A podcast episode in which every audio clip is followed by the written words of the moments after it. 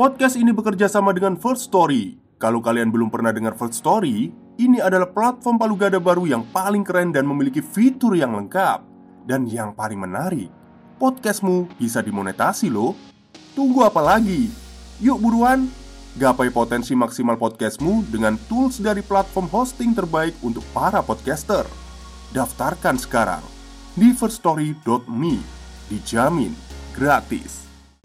Kalian pasti pernah dengar yang namanya sinden atau istilah panjangnya penembang panggung. Biasanya, mereka mengisi acara-acara di pewayangan atau acara yang berbau budaya. Tapi, tahu nggak sih kalian sisi gelap dari para sinden ini? Katanya, kebanyakan dari mereka itu memakai susuk agar disukai para pendengarnya. Ya, meskipun tidak semua sinden memakai hal itu, tapi bisa dipastikan pasti ada. Dan kali ini ada satu cerita yang bersumber dari Twitter. Seorang wanita yang berprofesi sebagai sinden yang ingin melepaskan susuknya yang sudah tertanam di wajahnya bertahun-tahun. Tapi ternyata proses pelepasannya itu tidak mudah bahkan harus ada yang mati.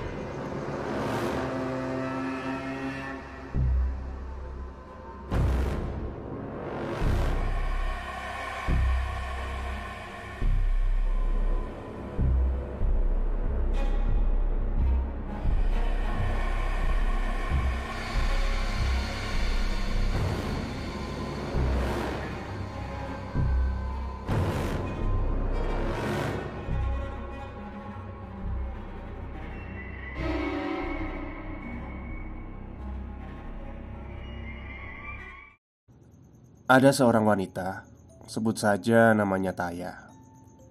Dia ini merupakan mantan sinden di daerahnya. Tapi ternyata setelah dia pensiun dari sinden, bukannya mendapatkan ketenangan, malah mendapatkan teror. Setiap malam kliwon, badan dari si Taya ini selalu demam dan wajahnya itu terasa seperti ditusuk-tusuk oleh jarum. Kebetulan si Taya ini cuma tinggal berdua sama adiknya Namanya Sani. Dan setiap malam kliwon itu juga Ketika si Taya ini kesakitan Sani selalu membekap mulut dari si Taya ini. Tujuannya ya agar si Taya ini nggak bersuara Karena kalau si Taya bersuara Sosok tanpa kepala dan membawa lonceng itu akan mendatangi mereka Oke, kita flashback ke 9 tahun yang lalu. Taya ini memang dulunya seorang sinden, tapi karena kurang dikenal oleh orang, dia akhirnya memutuskan untuk memasang susuk di wajahnya. Ya, tujuannya untuk agar dia lebih menarik dan banyak yang suka. Akhirnya pergilah dia ke seorang dukun sakti yang dipercaya bisa melakukan praktek penanaman susuk ini. Singkat cerita, di sana dia melakukan ritual pemasangan dan ijab kepada iblis sekutunya itu dengan cara bersetubuh dengan iblis itu. Ketika ritual bersetubuh, Taya melihat sosok itu berupa lelaki perkasa, gagah, mengenakan pakaian khas kerajaan Jawa kuno setelah bersetubuh, sosok itu lenyap dari pandangan matanya si Taya ini. Hanya menyisakan wujud siluet hitam tanpa kepala Dan sedang menenteng lonceng berjalan menjauh. Nah, lonceng inilah yang nantinya akan menjadi benda wajib Yang selalu dibawa oleh Taya ketika manggung. Dan ajaibnya, dalam waktu singkat Taya ini langsung dikenal sebagai kembang tembang yang membawanya laris manis dari panggung ke panggung. Banyak banget tuh pria yang menginginkan Taya. Akan tetapi hubungan mereka itu nggak pernah awet. Katanya, menurut para lelaki ini, saat melakukan senggama dengan si Taya ini, wajah Taya berubah jadi nenek tua. Dan setelah itu mereka menjauhi Taya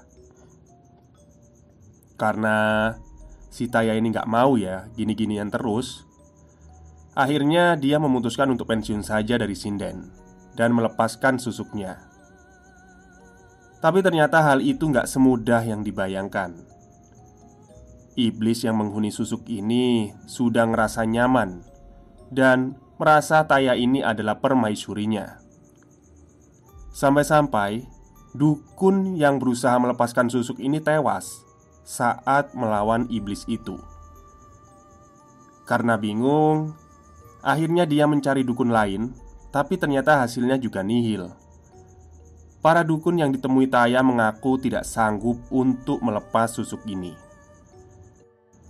Dan ada satu kalimat yang dikatakan oleh dari salah satu dukun yang dimintai tolong oleh Taya ini. Mereka mengatakan yang dapat kamu lakukan saat ini hanya menghindar. Jika bertemu dengan sosoknya di setiap malam kliwon, jangan pernah bersuara, atau dia akan menemukan dan menjemputmu.